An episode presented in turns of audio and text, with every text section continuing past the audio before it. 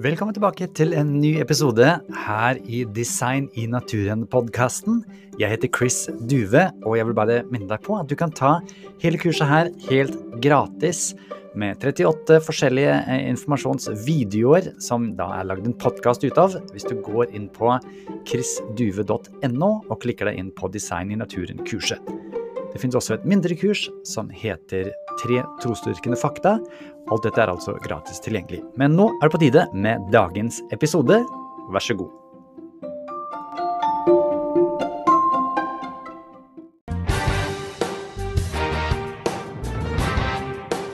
When you um, think about this whole thought of nature or biology being designed um, not just uh, you know to have a plan, but actually to have a purpose. Um, I think uh, you know uh, it's pointing towards something that's above nature to be able to make it in nature, which sounds a lot like the God that we meet in the Bible. What does it do, uh, kind of, to your worldview? How do you think about? Does it change how you think about nature after you discovered that?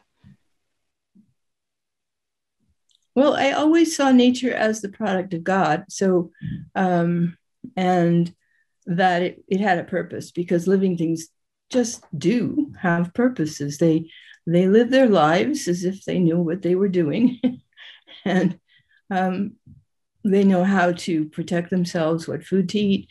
Um, inse- insects have amazing instincts that um, allow them to live their their lives um, without ever being taught anything.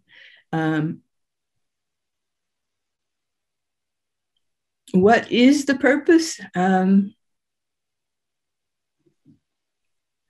well, I'm pretty sure it has something to do with Jesus. and um, the story doesn't end with our uh, appearance on earth. Um, there's more to the story than that. Um, and there is a purpose. Um, God wants us to know Him and to love Him and to serve Him. He wants to be in relationship with us. He's not a faraway lawmaker, but um, a loving father and um, an incredible uh, son of God. I um, and anybody who grew up not knowing who Jesus was, they should read the, the Gospels and mm-hmm. find out what he was like and what he said and what he did. Um, get to know him. He was a historical figure, and um, he's not imaginary. He's he's, and as C.S. Lewis said, either he was a madman because he claimed to be God, or he was a liar, or he was telling the truth. And um, it's obvious to me from what I know of the faith that he came to initiate the faith, the church, to make it possible for us to be in relationship with him, um, to make a way to bridge the, the the gap of our sin and our inability to um, relate to Him. You know, um, uh, just imagine uh, God is uh, all powerful, all uh, holy, um, but He's also a God of mercy. And um, uh, the Psalms in particular speak of this. And he didn't want to leave us stuck in our own mess. He he didn't. Um, I guess that's enough to say that the purpose of all of this is for us to be able to have communion with Him. And um, it doesn't come from the science side of it, it comes from the faith, the theology, the, the Bible. Um, we can't, science can't take us and show us the purpose in, in the way that I've outlined it here. the faith can, and um, the Bible can, um, the witness of Christians can. Um, but uh, it's all consistent. Remember, I said at the beginning that I got to be in my bonnet about evolution, and I was because I said science doesn't point away to, away from God; it points towards God. Uh, the design of the universe, uh, the truth, uh, the truth that there is truth um, and goodness and beauty. Um, why should those things exist in a world that evolved?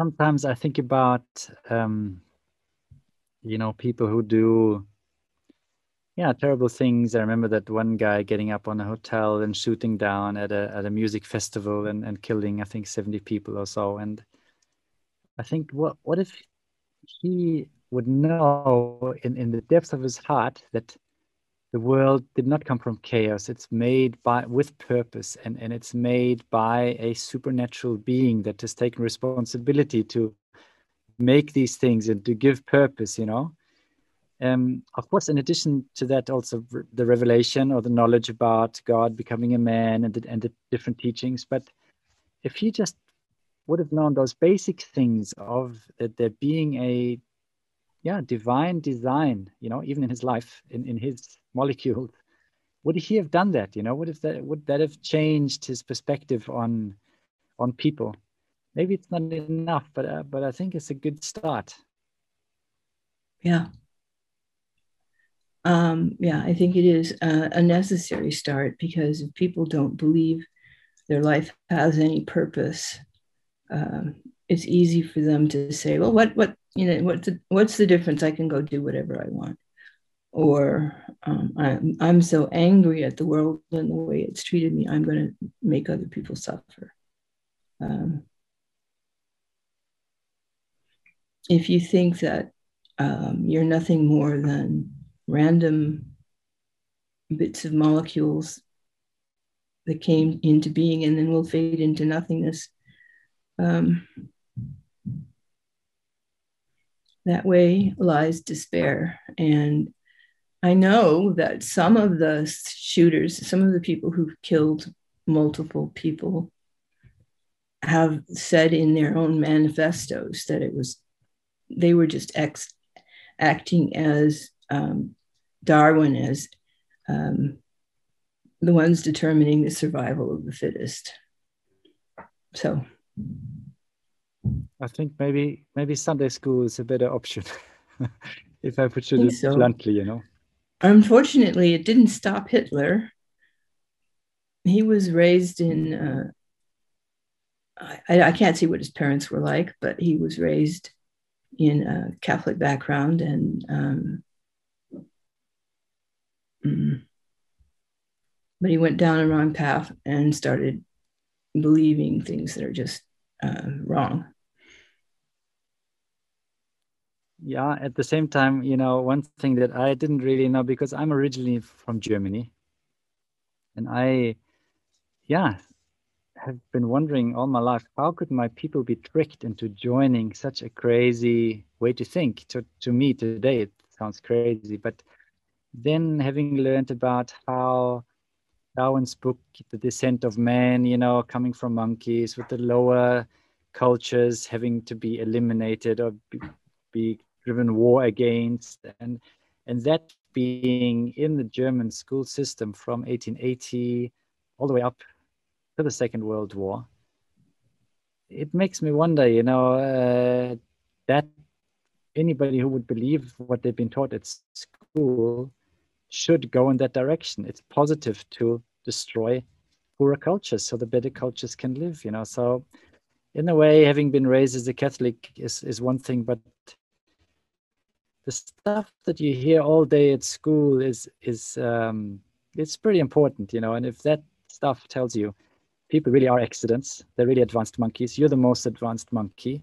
You need to make that most advanced monkey race survive I think if you apply that then that's exactly what happened. Mm-hmm. Mm-hmm. Yeah. There's more to it. There's a depression here and everything, but that's not enough. You need to really believe very deep down that you can eliminate somebody who's not really human like you to be able to do that. Uh, I don't see that happening any other way. I have children, you know, I I wouldn't be able to kill another child. It's just my view of children. But if you don't believe that child is really as human, I can see a slippery slope somewhere around the next corner, you know. Well, there are already philosophers saying that uh, a pig or a dog has more worth than a one year old child. Yeah. Is it their one year old child or any? A hypothetical one year old child. Uh, Peter Singer is the one who said that, and he took care of his mother through her Alzheimer's all the way to the end, showing her great love but by his own argument, anybody who's useless can be eliminated. So we're not consistent. Yeah. We're not. Yeah. Sometimes it's positive to not be consistent, I think. well, I uh, I want to just thank you so much for your time. Uh, it's been welcome. great to have an intelligent design lady joining us. Yeah. you know, I, I, hope maybe some of the girls, uh, young women who are watching, can be inspired to do science and discover the ways of God in molecular biology, in um, studying these different things that you mentioned. But uh, I appreciate you sharing your thoughts. Thank you for your honesty and also for uh, yeah showing us some of your some of your heart. And um, maybe one last question to me would be what would you say to to young people in in this kind of war of of worldviews you know where they're being taught at school everything is materialistic everything came from nothing. Maybe they've been taught at home god made the world and and there's somewhere that trying to figure this out. What would be your advice? Um some of what they teach in school about evolution is true because the stuff that's small, like antibiotic resistance, happens. It's true. And there are cases where we can see um, natural selection at work, but it's only for small things, not for the big things that are necessary to explain where we came from. So, um, I would say anytime you don't understand how the two things fit together, allow yourself to hold them in tension. Um, allow yourself to, to um, wait until it becomes clear to you. And um, know that, I say, uh, science does not point away from God, it points towards God. And the more you know about science, the more you'll see that. Uh, it's only if you insist it had to be evolution because you don't want there to be a God that you put on the blinders that say only evolution. Um, if you allow yourself to look with honest eyes at what you see around you, um, even if you can't explain everything, you, you can say science does not point away from God um, because there's a clear necessity for God for the things that have happened to have happened. Um, the whole universe needs an explanation. Um, and the best explanation is God. Um, the origin of the first life needs an explanation. The best explanation is God um, the first uh, first creature to walk on the earth. Um, there's no explanation science can give. They don't know where that came from or how it happened. Um, they just say, well, it happened by evolution. But did it? can they show that? No. Their arguments are all um, insufficient, is the best way to put it.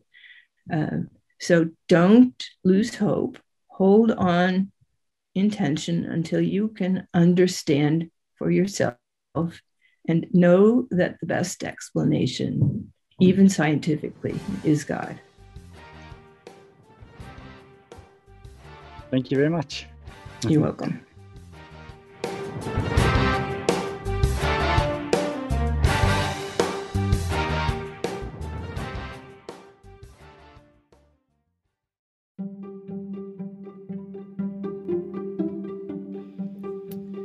Igjen, dersom du ønsker å få tilgang til de hjelpearkene eller oppgavearkene, så er det jo fullt mulig for deg å signe opp til kurset. Da går det an å laste det ned hvis du går inn på chrisduve.no, så ser du all informasjonen der.